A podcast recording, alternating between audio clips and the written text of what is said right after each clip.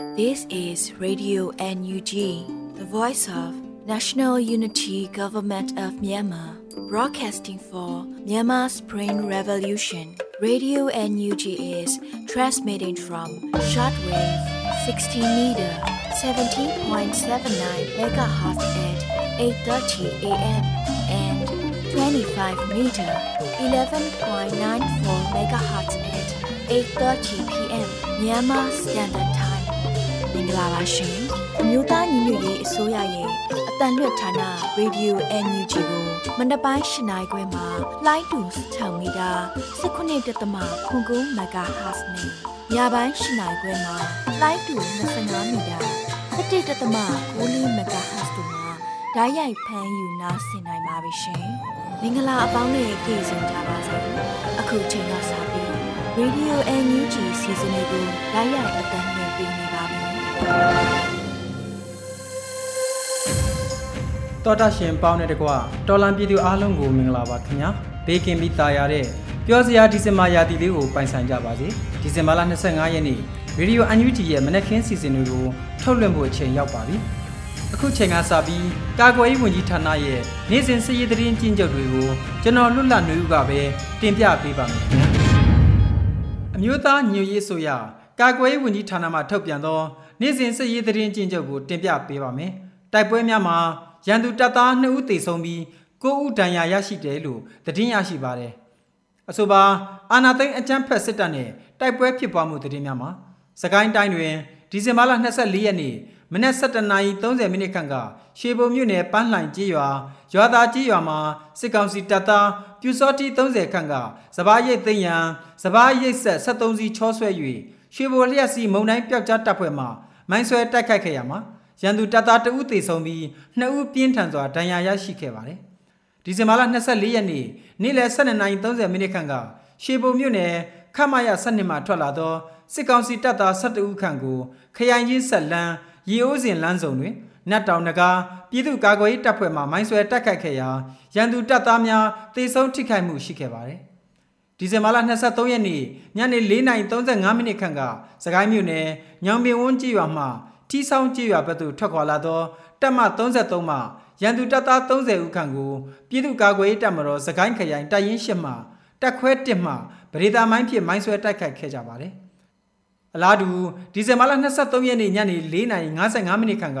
စကိုင်းမြို့နယ်ညောင်ပင်ဝန်းကြီးရွာမှထီဆောင်ဘက်သို့ထွက်ခွာလာသောတပ်မ33မှရန်သူတပ်သား30ဦးခန့်ကို ပြည်သူ့ကာကွယ်ရေးတပ်မတော်စကိုင်းခရိုင်တပ်ရင်းရှိမှညောင်ပင်ဝန်းကြီးရွာနဲ့ပြော့ရွာကြားတွင်ပရိဒါမိုင်းဖြစ်တိုက်ခိုက်ခဲ့ကြပါတယ်။မန္တလေးတိုင်းတွင်ဒီဇင်ဘာလ24ရက်နေ့ကတပိတ်ချင်းမြို့နယ်တကောင်းစစ်စင်ရေးခိတ်အားကြာညှပြည်သူ့ကာကွယ်ရေးတပ်ဖွဲ့မှ40မမနှစ်ချက်နဲ့တူလက်နက်များဖြင့်ဝင်ရောက်ပစ်ခတ်ခဲ့တာကြောင့်ဂိတ်ဆောက်ရန်သူများထိခိုက်မှုများပြီးပြည်သူ့ကာကွယ်ရေးရဲဘော်များအထိခိုက်မရှိပြန်လည်ဆုတ်ခွာနိုင်ခဲ့ကြပါတယ်။တနင်္သာရီတိုင်းတွင် ဒီဇင်ဘာလ23ရက်နေ့မနက်6:30မိနစ်ခန့်က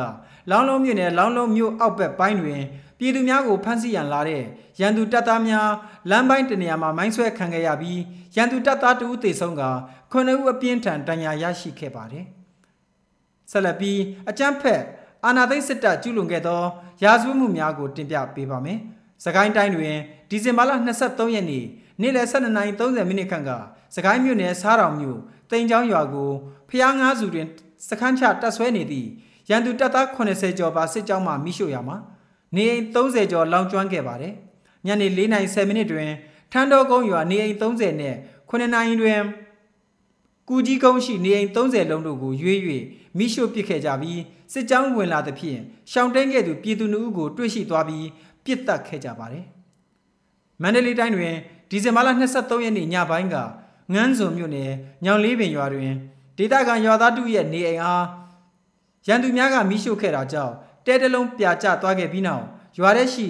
ဆက်တော့ခတ်ထားတဲ့ဆိုင်ကယ်အားတော့ဖြတ်ပြီးခိုးယူသွားခဲ့ကြပါတယ်။တနင်္သာရီတိုင်းတွင်ဒီဇင်ဘာလ23ရက်နေ့ညပိုင်းကလောင်းလုံးမြို့နယ်လောင်းလုံးသို့ဥတီသွားသည့်စစ်ကောင်စီတပ်သားများကပြည်သူနေအိမ်10လုံးကျော်ကိုဝင်ဝိုင်း၍ပြည်သူ10ဦးကိုဖမ်းဆီးသွားခဲ့တယ်လို့သတင်းရရှိပါတယ်ခင်ဗျာ။ ယခုတင်ပြပေးခဲ့တဲ့သတင်းတွေကိုမြေပြင်သတင်းတာဝန်ခံတွေနဲ့ခိုင်လုံသောသတင်းရင်းမြစ်များမှာအခြေခံတင်ပြခြင်းဖြစ်ပါတယ်ခင်ဗျာ။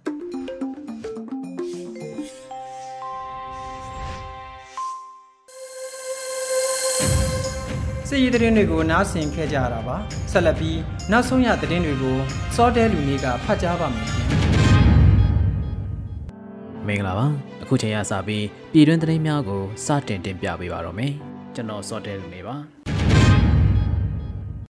ပထမအဆုံးအနေနဲ့အကြမ်းဖက်စစ်တပ်နဲ့စစ်ကောင်းဆောင်များရဲ့နိုင်ငံတကာသည့်ကဘာသည့်ကျူးလွန်နေတဲ့ရာဇဝတ်မှုတွေနဲ့ထိုက်တန်ရာကိုအများဆုံးဆောင်ကျဉ်နိုင်မှုကြိုးပမ်းကြရမယ်လို့ပြည်ထောင်စုဝန်ကြီးချုပ်ကပြောကြားလိုက်တဲ့သတင်းကိုတင်ပြပေးသွားပါမယ်။ဒီဇင်ဘာလအတွင်းမှာပြည်ထောင်စုဝန်ကြီးချုပ်မန်ဝင်းခိုင်တန်းက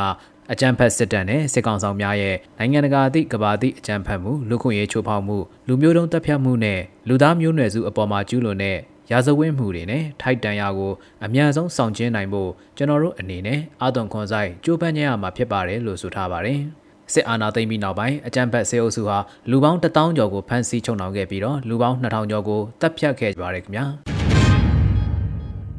အခုဆက်လက်တင်ပြပေးမှာကတော့အမျိုးသားညီညွတ်ရေးအစိုးရဂျားကာလဒေသန္တရပြည်သူ့အုပ်ချုပ်ရေးဖော်ဆောင်မှုဗဟိုကော်မတီနဲ့ပဲခူးတိုင်းပြည်သူ့အုပ်ချုပ်ရေးအဖွဲ့များတွဲဆုံခဲ့တဲ့တဲ့တင်ကိုတင်ပြပေးသွားပါမယ်။ အမျိုးသားညီညွတ်ရေးဆိုရာဂျားကာလဒေသန္တရပြည်သူ့အုပ်ချုပ်ရေးဖော်ဆောင်မှုဗဟိုကော်မတီနဲ့ပဲခူးတိုင်းပြည်သူ့အုပ်ချုပ်ရေးအဖွဲ့များတွဲဆုံဆွေးနွေးပွဲအစည်းအဝေးရှင်းမြင်းဆောင်2022ကိုကျင်းပခဲ့ပါတယ်။အစည်းအဝေးတွင်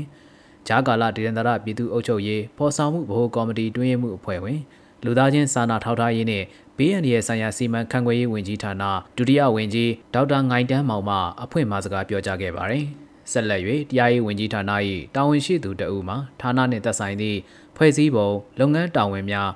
လုပ်ငန်းဆောင်ရွက်ချက်များကိုရှင်းလင်းပြောကြားခဲ့ရာပဲခူးတိုင်းပြည်သူ့အုပ်ချုပ်ရေးအဖွဲ့များမှဥပဒေရေးရာသိရှိလိုသည့်များနှင့်မြေပြင်တွေ့ကြုံနေရသည့်ခက်ခဲများကိုအပြန်အလှန်ဆွေးနွေးခဲ့ကြပါသည်။ထို့နောက်ဂျာကာလာဒေသန္တရပြည်သူ့အုပ်ချုပ်ရေးဖော်ဆောင်မှုဗဟိုကော်မတီအဖွဲ့ဝင်အလုသမားဝင်ကြီးဌာနပြည်ထောင်စုဝင်ကြီးနိုင်ထွန်းဖေခေါ်နိုင်သူဝနာမှဏီကုန်းချုပ်အမှာစကားပြောကြားခဲ့ပါတယ်။ တွေ့ဆုံပွဲသို့ဂျာကာလာဒေသန္တရပြည်သူ့အုပ်ချုပ်ရေးဖော်ဆောင်မှုဗဟိုကော်မတီအဖွဲ့ဝင်များအမြဲတမ်းတွင်းဝင်များတွဲဘက်အတွင်းဝင်များနှင့်ဌာနဆိုင်ရာများမှတာဝန်ရှိသူများပဲခူးတိုင်းပြည်သူ့အုပ်ချုပ်ရေးအဖွဲ့များတက်ရောက်ခဲ့ကြောင်းတင်ရရှိပါရခင်ဗျာ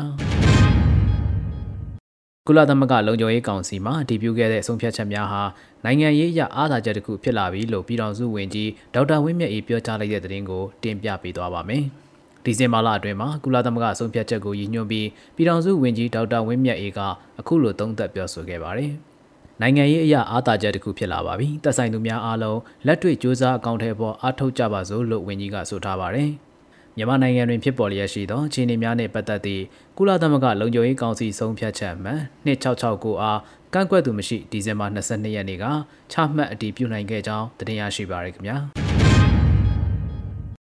အခုတခါတင်ပြပေးမှာကတော့အိန္ဒိယနယ်စပ်ရှိ IDP စခန်းများမှာ3နှစ်မှ9နှစ်ရွယ်ကလေးများအတွက် CRPH Support Group နော်ဝေမှကလေး300စာပျော်ရွှင်စရာများဝယ်ယူရန်မတီပေးလှူလိုက်တဲ့သတင်းပဲဖြစ်ပါတယ်။ဒီဇင်ဘာလ24ရက်နေ့မှာ CRPH Support Group Norway ကအခုလိုအသိပေးဆိုထားခြင်းဖြစ်ပါတယ်။ CRPH Support Group Norway မှမတီလှူဒန်းခဲ့သောကလေး300စာအပြင်ထပ်မံလှူဒန်းထားမှုများမှာကလေး200အထိတိုးတက်လာပြီဖြစ်ပါတယ်။စုစုပေါင်းကလေး200အထိရရှိပြီး300ကျော်ကလေးများကျန်ရှိနေသေးပါတယ်။လှူဒန်းမှုများအားဒီဇင်ဘာလ31ရက်နေ့ထိလက်ခံပါမယ်လို့ဆိုထားပါတယ်။အဆိုပါလှူဒန်းထောက်ပံ့မှုများအားအိန္ဒိယနယ်စပ်ရှိ18ခုသော IDP စခန်းများမှာ3နှစ်မှ9နှစ်အရွယ်ကလေးများအားလိုအပ်ချက်လေးတချို့နှင့်ပျော်ရွှင်စရာလေးအချို့ဝယ်ပေးမှာဖြစ်ကြောင်းတင်ရရှိပါရခင်ဗျာ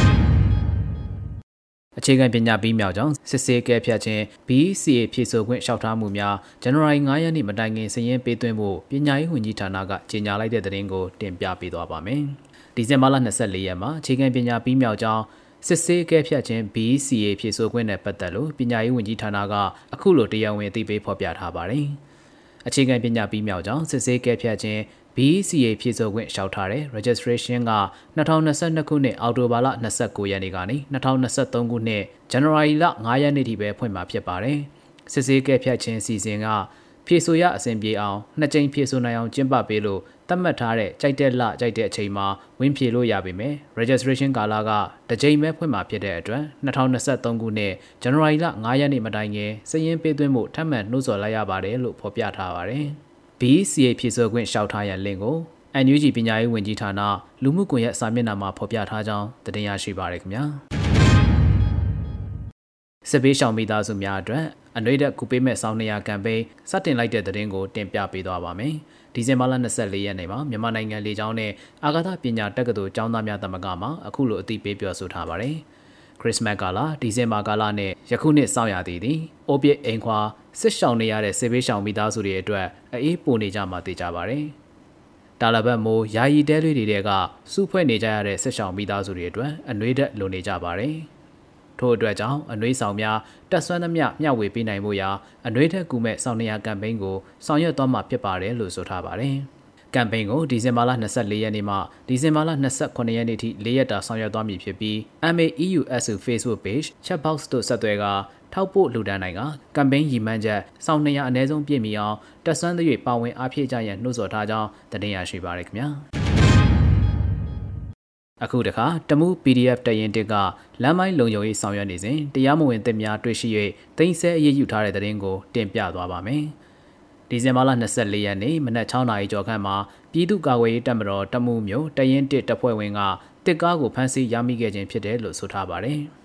ဒီဇင်ဘာလ24ရက်မနက်6နာရီကျော်ခန့်အချိန်ကပြည်သူ့ကာကွယ်တပ်မတော်တမှုမျိုးတရင်တစ်တပ်ဖွဲ့ဝင်များသည်တမှုအောင်စေရကာလန်မိုင်၌ကင်းမုံဝေ၍နေမြေလုံခြုံရေးလုပ်ငန်းများဆောင်ရွက်နေစဉ်အောင်စေရရွာဘက်မှတမှုမျိုးဘက်သို့ဦးတည်မောင်းနှင်လာသည်တစ်တင်ကားတစ်စီးအားရပ်တန့်၍စစ်ဆေးခဲ့ရာ၎င်းတစ်တင်ကားပေါ်တွင် အင်ကညင်တစ်ခွဲသားများတည်ဆောင်လာသည်ကိုစစ်ဆေးတွေ့ရှိရပါတယ်လို့ဖော်ပြထားပါတယ်။၎င်းတစ်ခွဲသားများနှင့်ပတ်သက်၍ဆက်လက်စုံစမ်းစစ်ဆေးခဲ့ရာတရားမဝင်တဲ့များဖြစ်သည်ကိုသိရှိရသည့်အတွက်ပြည်သူ့ကာကွယ်ရေးတပ်မတော်တမူးမြို့တရင်တက်မှ၎င်းတစ်ခွဲသားများကိုဖမ်းဆီးခဲ့ပြီးတစ်တင်ကားကိုမူပြန်လွှတ်ပေးခဲ့တယ်လို့သတင်းရရှိပါရခင်ဗျာ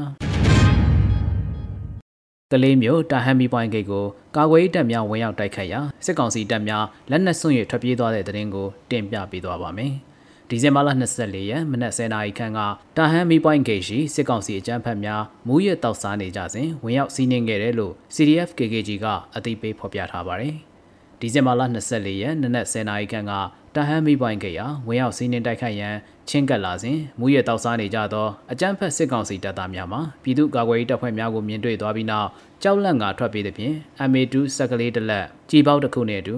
9.56ကြီးအတောင်60တို့အားတင်ဆက်ရရှိခဲ့တယ်လို့ဆိုထားပါတယ်။ ထို့သောတင်ယူပြီးနောက်အကြမ်းဖက်စစ်ကောင်စီတပ်သား30ခန့်သည်တပ်ဆွဲထားရာအဆောက်အုံတွင်မှပြန်လည်ထိုးစစ်ဆင်တိုက်ခိုက်ခဲ့ရာအပြန်အလှန်ပစ်ခတ်မှုဖြစ်ပွားခဲ့ပြီးပြည်သူ့ကာကွယ်ရေးတပ်ဖွဲ့များအားလုံးအထိကိမရှိပြန်လည်ဆုတ်ခွာနိုင်ခဲ့ကြောင်းသတင်းရရှိပါရခင်ဗျာ။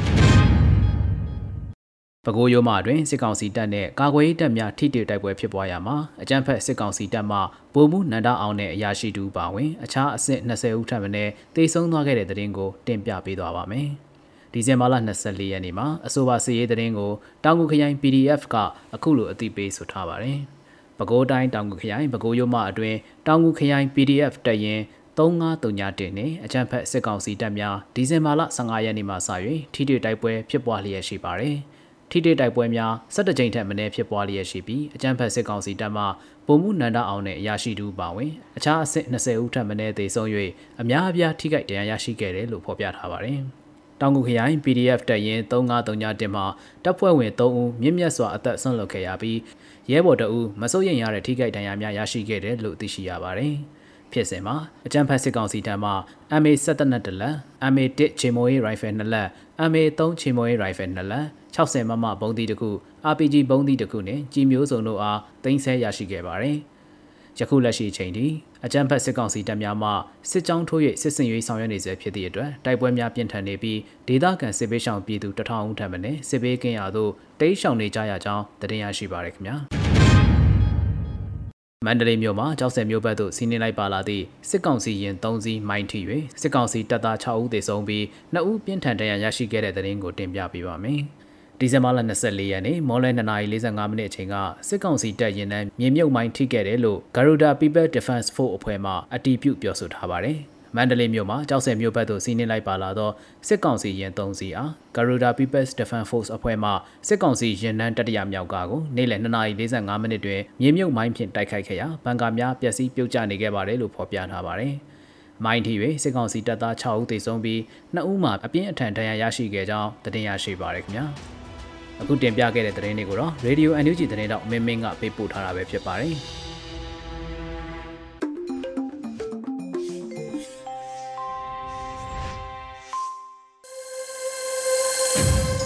ရေဒီယိုအန်ယူဂျီမှာဆက်လက်အသံလွှင့်နေပါတယ်အခုတခါမှာတော့အချမ်းဖက်စစ်အာဏာရှင်ပေါ်ပြည်သူတွေရဲ့ခုခံစစ်တည်င်းများကိုကျော်နေဦးကတင်ပြပေးပါဦးမယ်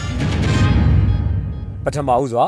ကောလင်းမြို့ပေါ်မိုင်းဆွဲတိုက်ခိုက်မှု ရဲအရာရှိတဦးအပါအဝင်2ဦးသေဆုံးတဲ့တဲ့တင်တင်ဆက်ပါမယ်။စကိုင်းတိုင်းကောလင်းမြို့ပေါ်အထက်ကနှစ်နဲ့ပြည်သူပန်းချံဒီမှာဒီဇင်ဘာလ23ရက်နနက်9နာရီခွဲခန့်အချိန်စစ်ကောင်စီတပ်သားများကိုမိုင်းဆွဲတိုက်ခိုက်ခဲ့ရာစစ်သား2ဦးသေဆုံးခဲ့ကြောင်းကောလင်းပကဖထံမှသိရပါဗျ။ထွေအုပ်ရုံးမှထွက်လာတဲ့အကြမ်းဖက်စစ်ကောင်စီတပ်သားရဲ9ဦးဖြစ်ကြောင်းမိုင်းဆွဲတိုက်ခိုက်မှုကြောင့်ဒူရဲအုပ်ငိမ့်ချမ်းကျော်အပါအဝင်2ဦးသေဆုံးပြီး3ဦးအပြင်းထန်ဒဏ်ရာရရှိခဲ့တာပါ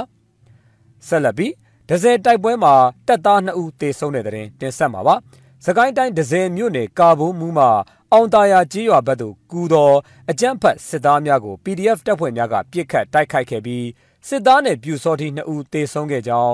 MDF Hydra Force ကဆိုပါတယ်ဒီဇင်ဘာလ23ရက်နေ့နနက်7:00နာရီခန့်မှာဒဇယ်မြို့နယ်အတွင်းရှိငတန်းရွှေလန်းတက်တဲ့ရွာဘူးကြီးကလစင်ပေကုံစီမရွာများကိုမီးရှို့ဖျက်ဆီးပြီး မူးမြစ်ကိုဖျက်ကူးသောစစ်သားနဲ့ပြူစောတိများကိုဒေသခံကာကွယ်တပ်ဖွဲ့များကပြစ်ခတ်တိုက်ခိုက်ခဲ့ပြီးစစ်သားနဲ့ပြူစောတိ2ဦးသေဆုံးက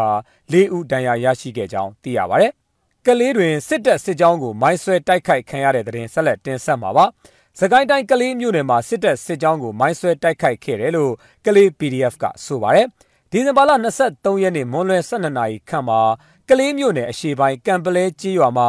ကလေးမြို့တောင်ပိုင်းဤပညာတက္ကသိုလ်ကလေးဘက်သို့အင်အား80ခန့်ဖြင့်ဥတီစစ်ကြောင်းထိုးလာတဲ့စစ်ကြောင်းများကိုပောက်ခုံကြီးရွာနဲ့ထိုမာကြီးရွာကြားမှာအသင့်ပြင်ဆင်ထားတဲ့မိုင်းသုံးလုံးဖြင့်ဖောက်ခွဲတိုက်ခိုက်ခဲ့ခြင်းဖြစ်ကြောင်းသိရပါဗျ။အလားတူကလေးမြို့နယ်ရေဦးလဲကြီးရွာမှ GDC ကျောင်းသို့သွားတဲ့စစ်သားများကိုမိုင်းဆွဲတိုက်ခိုက်ခဲ့ရာအကြမ်းဖက်စစ်သား10ဦးသေဆုံးခဲ့ကြောင်းကလေးမြို့နယ်ပြည်သူ့ကာကွယ်တပ်ဖွဲ့တပ်ရင်း2ထံမှသိရှိရပါတယ်။ ဒီဇင်ဘာလ23ရက်ညနေ3နာရီခွဲဝန်းကျင်က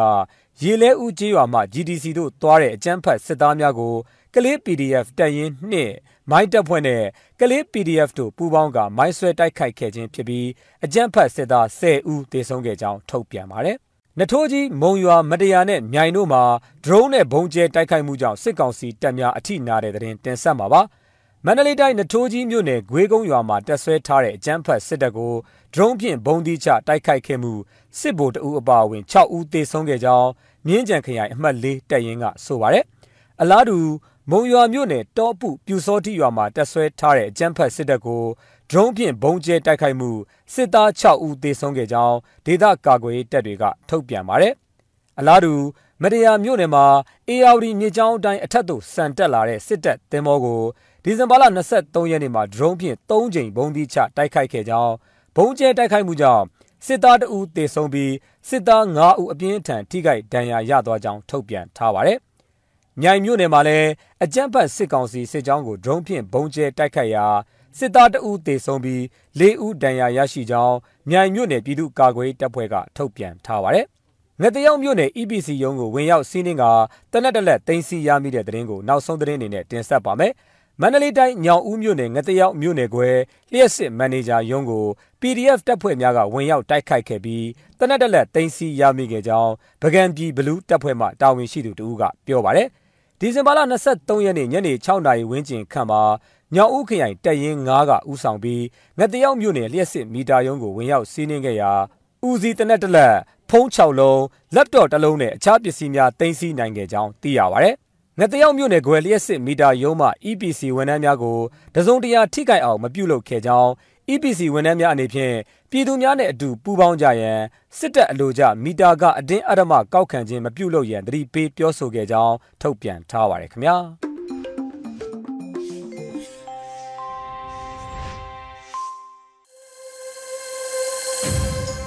ခုတဖန်နားဆင်ရမှာက PPTV ရဲ့နေ့စဉ်သတင်းစီစဉ်ဖြစ်ပါတယ်ထက်ထက်အင်ဒရာအောင်ကဖတ်ကြားပါမယ်ခင်ဗျာကုလလုံခြုံရေးကောင်စီကအတည်ပြုခဲ့တဲ့ဆုံးဖြတ်ချက်ကို NLD ကလှိုက်လဲစွာကြိုဆိုတယ်လို့ကြေညာချက်ထုတ်ပြန်လိုက်တဲ့သတင်းမှာကုလလုံခြုံရေးကောင်စီကမြမအရေးအတွက်အတည်ပြုခဲ့တဲ့ဆုံးဖြတ်ချက်အမှတ်2669က တည်ဆဲဥပဒေတွေကိုချိုးဖောက်ပြီးအဲ့ဒါမှအာဏာသိမ်းယူထားတဲ့အကြမ်းဖက်စစ်ကောင်စီကိုမြမပြည်သူတွေကိုစားအရေးယူနိုင်မဲ့အလားအလာတွေထုတ်ဖော်ပြသလိုက်တာဖြစ်တဲ့အတွက်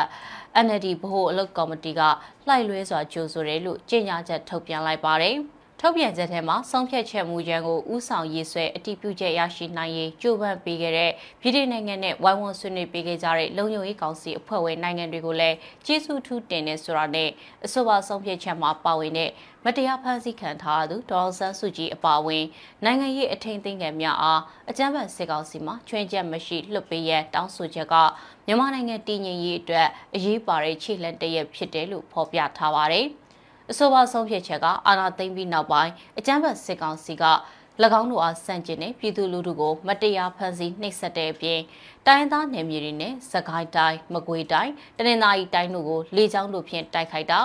ကျေးရွာတွေကိုမိရှုဖျက်ဆီးတာစရရက်ဆက်ကြဲကြုတ်တဲ့လုပ်ရက်တွေကိုရဲရင်ပြတ်သားစွာတုံ့ပြန်နေကြတဲ့ပြည်သူလူထုရဲ့ကြိုးပမ်းမှုကိုအတိအမှတ်ပြုခြင်းခံရလို့လည်းဖော်ပြထားပါတယ်။ တရားမဝင်အာဏာသိမ်းစစ်ကောင်စီကပြည်သူလူထုအပေါ်လက်နက်အားကိုနဲ့အနိုင်ကျင့်နှိပ်စက်နေမှုများလူသားမျိုးနွယ်ပေါ်ဆန့်ကျင်သောရာဇဝတ်မှုများကျူးလွန်နေခြင်းကိုလည်းအပိတိုင်ချုပ်ငြိမ်းစေရန်အကြမ်းဖက်စစ်ကောင်စီအားလက်နက်ရောင်းချမှုပိတ်ပင်တားဆီးနိုင်ရေးအတွက်နိုင်ငံတစ်ခုချင်းစီရဲ့ပူးပေါင်းကြိုးပမ်းမှုကိုလည်းမဖြစ်မနေလိုအပ်ချက်တစ်ခုဖြစ်တယ်လို့ယုံကြည်မျှော်လင့်နေဆိုပြီးတော့လည်းဖော်ပြထားပါတယ်။မြန်မာနိုင်ငံဒီမိုကရေစီလမ်းကြောင်းပေါ်ပြက်လျောက်ရှိရေးအတွက် အာဆီယံအဖွဲ့ရဲ့ဘုံသဘောတူညီချက်၅ချက်ကိုအခြေခံမှုကပြည့်စုံလုံလောက်မှုမရှိပေမဲ့လည်းပြဿနာတွေပြည်လဲရေးလမ်းစာဖြစ်လာနိုင်တဲ့အတွက်နိုင်ငံတကာအတိုင်းအဝန်အနေနဲ့ပုံမတက်ကြစွာအချိန်ကာလတစ်ခုတတ်မှတ်ပြီးအကောင့်ထဲပေါ်ဆောင်ရွက်ပေးပါရန်အတွက်လည်းအမျိုးသားဒီမိုကရေစီအဖွဲ့ချုပ်ဗဟိုအလုပ်ကော်မတီကသတင်းထုတ်ပြန်ထားပါတယ်။နောက်ထပ်တင်ဆက်ပေးခြင်းတဲ့သတင်းကတော့ကုလလုံခြုံရေးကောင်စီရဲ့မြန်မာအရေးဆုံးဖြတ်ချက်ကို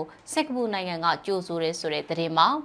ကုလလုံခြုံရေးကောင်စီရဲ့ဒီဇင်ဘာလ22ရက်နေ့ကချမှတ်လိုက်တဲ့ပထမဦးဆုံးသောမြန်မာအရေးဆုံးဖြတ်ချက်မူကြမ်းကိုစင်ကာပူနိုင်ငံအနေနဲ့ကြိုဆိုတယ်လို့စင်ကာပူနိုင်ငံသားရေးဝန်ကြီးမစ္စတာဗီဗီယန်ဘာလန်ခရစ်ရှနန်ကပြောကြားလိုက်ပါတယ်။ကုလလုံခြုံရေးကောင်စီဆုံးဖြတ်ချက်ဟာမြန်မာအရေးအာဆီယံဘုံသဘောတူညီချက်၅ချက်ကိုအကောင့်ထဲပေါ်ရမှာပုံမကောင်းမွန်တဲ့အခြေအနေဖြစ်လာဖို့အထောက်အကူဖြစ်မယ်လို့သူကပြောပါတယ်။ ဒါအပြင်စေကမှုနိုင်ငံအနေနဲ့မြန်မာနိုင်ငံမှာဖြစ်ပေါ်နေတဲ့စစ်ကောင်စီရဲ့အကြမ်းဖက်ကျူးလွန်မှုတွေကိုချက်ချင်းရပ်တန့်ဖို့တောင်းဆိုပြီးကုလသမဂ္ဂအာဆီယံနိုင်ငံတွေနဲ့တသားတည်းရပ်တည်မယ်လို့ဆိုထားပါတယ်။မြန်မာနိုင်ငံမှာငြိမ်းချမ်းရေးအမြင်ရရှိဖို့အတွက်ပါဝင်သင့်ပါဝင်တိုက်သူအလုံးပါဝင်တဲ့ဆွေးနွေးမှုတွေပြုလုပ်ပြီးဖြည့်ရှင်းကြဖို့ကိုလည်းတိုက်တွန်းထားပါတယ်။ အခုနောက်ဆုံးအနေနဲ့မြန်မာနိုင်ငံတဝန်းကလူမျိုးပေါင်းစုံဘာသာပေါင်းစုံပါဝင်တဲ့ဆီယနာရှေအမြင့်ပြည့်ချေမုံရေးလူထုဆန္ဒပြပွဲသတင်းတွေကိုစူးစီးတင်ဆက်ပေးပါတော့မယ်။ရင်းမပင်မြို့နယ်မြောက်ချမ်းဆီယနာရှင်စန့်ကျင်ရေးတပိတ်အင်အားစုက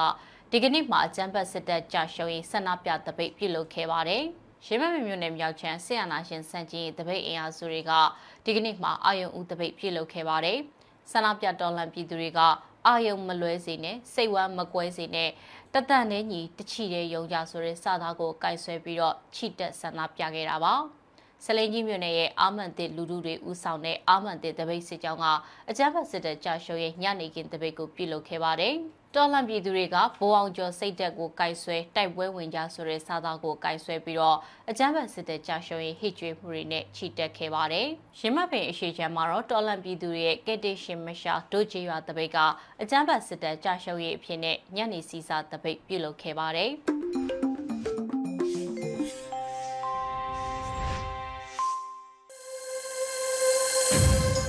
ဒီဇင်ဘာလ25ရက်နေ့ ရေဒီယို UNG ရဲ့မနက်ခင်းစီစဉ်တွေဖြစ်ပါတယ်။အခုတိုင်းသားစီစဉ်မှာနားဆင်ရမှာက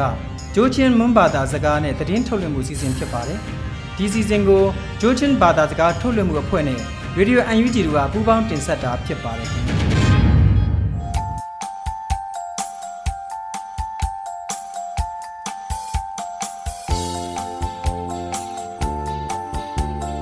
ချိုရီဒီယိုနမငိုင်ကင်းဘဖွေးနောက်တူနမရိုင်နော် Happy Christmas to you all ja aksubu ya print huni tungwe khukum phram kulam guli ri December thi kya mkuling pha hum mingai bang thori le ju khyoko akrung angriswi council akdam piang tungka na minda mangro akunga kya kijia ISP myama no aprinang thu chutiang hina li ju phema kunyi launu CTM ma mya si kampengong kanora lowa ngui ri chu CTM ma khyasung phyam phala shalik kwam pina op ki jamang phi မိငိုင်ဘိုင်အော့ကိနီအခထုမနာလီဂျူအင်္ဂရိစီကောင်စီနိုအကာနာကဖွာကြောက်ထူမန်းရောင်ကအခုကုမ်ခရုလောက်ပြဖော်တမတ်ဆုနာအော်ပီဂျီမော်ပီမိငိုင်ခိုင်နီအန်ထူကယန်ထူလီဂျူမြန်မာခုကရုံဒီမိုကရေစီမမောင်နနိဌာနကရီဖွာ NTAE တန်ကနောအဟပ်ဝေလီကျူ American President Joe Biden တန်ကနောအဟချောင်းနာအပီဂျီမောင်ရီအဒုငါရှင်ကနောငငိုင်ခိုင်နီ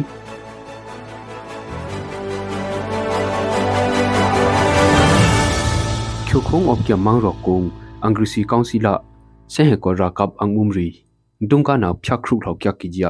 ISP မြန်မာဒုံကနောဒီဇင်ဘာလိချမ်ကလီအိုခုံဘွန်အပရင်လောနာအပကိနီအင်္ဂရိစီကောင်စီနောအာနာအရူပရိနာဂုံကနောချိုခိုအကရုံတုံကနာဖြောက်မာလာကိုဂိဘလီရခဒကကီဂျာပရစ်ကိနီအဂျီနုံကမင်တမောင်ရောအကရုံလေးကျူဖြာလမ်ကူလင်းမာခဒကဲနေချိုခိုဘနုံအောက်ဒမ်ဘီကကီဂျီပီ ISP မြန်မာဒုံကနောပရစ်ကိနီ angrisui councila ctf mintat aningla khyam kuli ri thok dungka nagung li ju angrisui council akdom asim ya ctf mintat tengka khyangsun magible krino anhun be na opkini chutia kyoko akrunga angrisui council tengka no khan yungon akana li ju thumki bada dum dubane arakan army a om na ka palewa mangrong li ju akdom bi kya ki gp isp myanmar tengka no pritkini kamle mangro akrunga ctm bikia khokyang ri phwa မ်လေမန်ရောအကရုံက CTM ဘီကီယာခုတ်ချောင်ရဖွာဖေမကူညီလောက်နူ CTM မများစီကမ်ပင်းကနောငွေအမ်ရှာဘင်နာအော့ကီဂျီယာကမ်လေမန်ရောမန်ရောအုံနာကအမ်ဘုံဒုံကနောဒီဇင်ဘာတိချမ်ကုခုံအပရင်လောနာအော့ကီနီအချွနာကမ်ပင်းကနော CTM ဘီဘီတူမတ်တဖွာငွေတမ်ဟာဂျီယာချန်ဆုံဖြောင်းမာလာရှလိကိုဖွာဘင်နာအော့ကီဂျီယာကမ်လေမန်ရောမန်ရောအုံနာတန်ကနောပစ်ကီနီပွိုင်ဘာကီယာငွေရီလေကျူကမ်လေမန်ရောမန်ရောအုံနာလာအဟီလမ်ရီယုံဆုံနာအော့ကီဂျီဖီငမီတန်ကနောပစ်ကွီနီ မကွေခုကြောက်ထူမန်ရောအော့ကီယာအန်ကရစီကောင်စီတန်ကနောမန်ရောကရုံယုံအဘူးနေအခါနာကဖွာအမ်ဟောစနာလာအင်ရီအဒီနာအော့ကီဂျီယာယောအလင်တန်နောရုနာအော့ကီနီဘရီဘရီကဒီဇင်ဘာလီချမ်ကူလီရီကွန်မတန်ဟင်ချစ်ကိုလာကုံကြောက်ထူမန်းရောင်အော့ပြအင်္ဂရိစီကောင်စီနောကုံဖိုဒငါဘုနနီရှဗေတာဒမ်ဒဘာစီအကာနာကုံအခကုပ်ထုထော်လော့ကီအောင်ဟောတမတ်အန်ဟွန်အစနာအော့ကီဂျီပီယောလင်ဒန်နောဘရကီနီ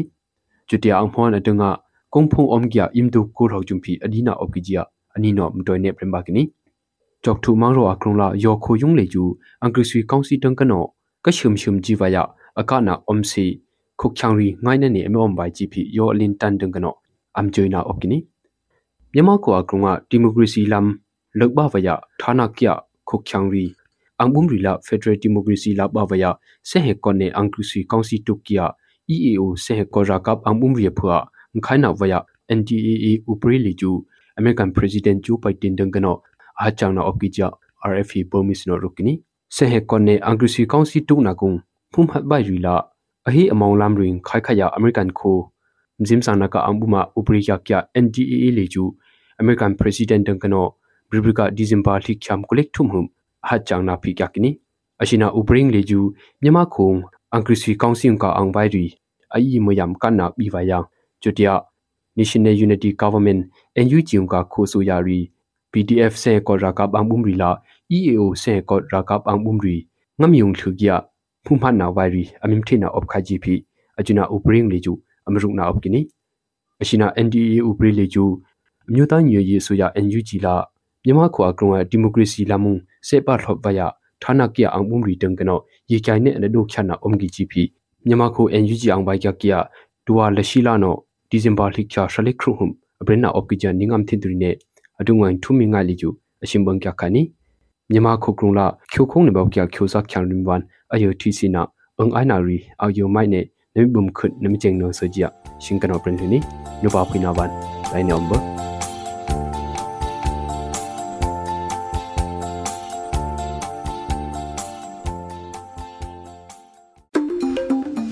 ကနေ့ကတော့ဒီညနေပဲ Radio NUG ရဲ့အစီအစဉ်လေးကိုခေတ္တရ延လိုက်ပါမယ်ရှင်မြန်မာစံတော်ချိန်မနေ့၈နိုင်ခွဲနဲ့ည၈နိုင်ခွဲအချိန်တွေမှာပြောင်းလဲဆိုပြကြပါလို့ရှင်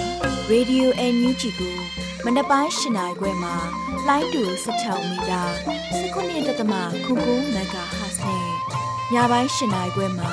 လိုင်းတူ25မီတာ17တက်တမ9မဂါဟတ်တို့မှာ ဓာတ်ရိုက်ဖမ်းယူနာဆင်နိုင်ပါပြီရှင်။မြန်မာနိုင်ငံသူနိုင်ငံသားများကိုစိတ်နှဖျားစမ်းမချမ်းသာလို့ဘေးကင်းလုံခြုံကြပါစေလို့ Radio NUG ရဲ့ဖွဲ့သူဖွဲ့သားများကဆုတောင်းလိုက်ရပါတယ်။ San Francisco Bay Area အခြေစိုက်မြန်မာမိသားစုများနနိုင်ငံတကာကစေတနာရှင်များလိုအားပေးများရဲ့ Radio NUG ဖြစ်ပါတယ်ရှင်။အရေးတော်ပုံအောင်ရမည်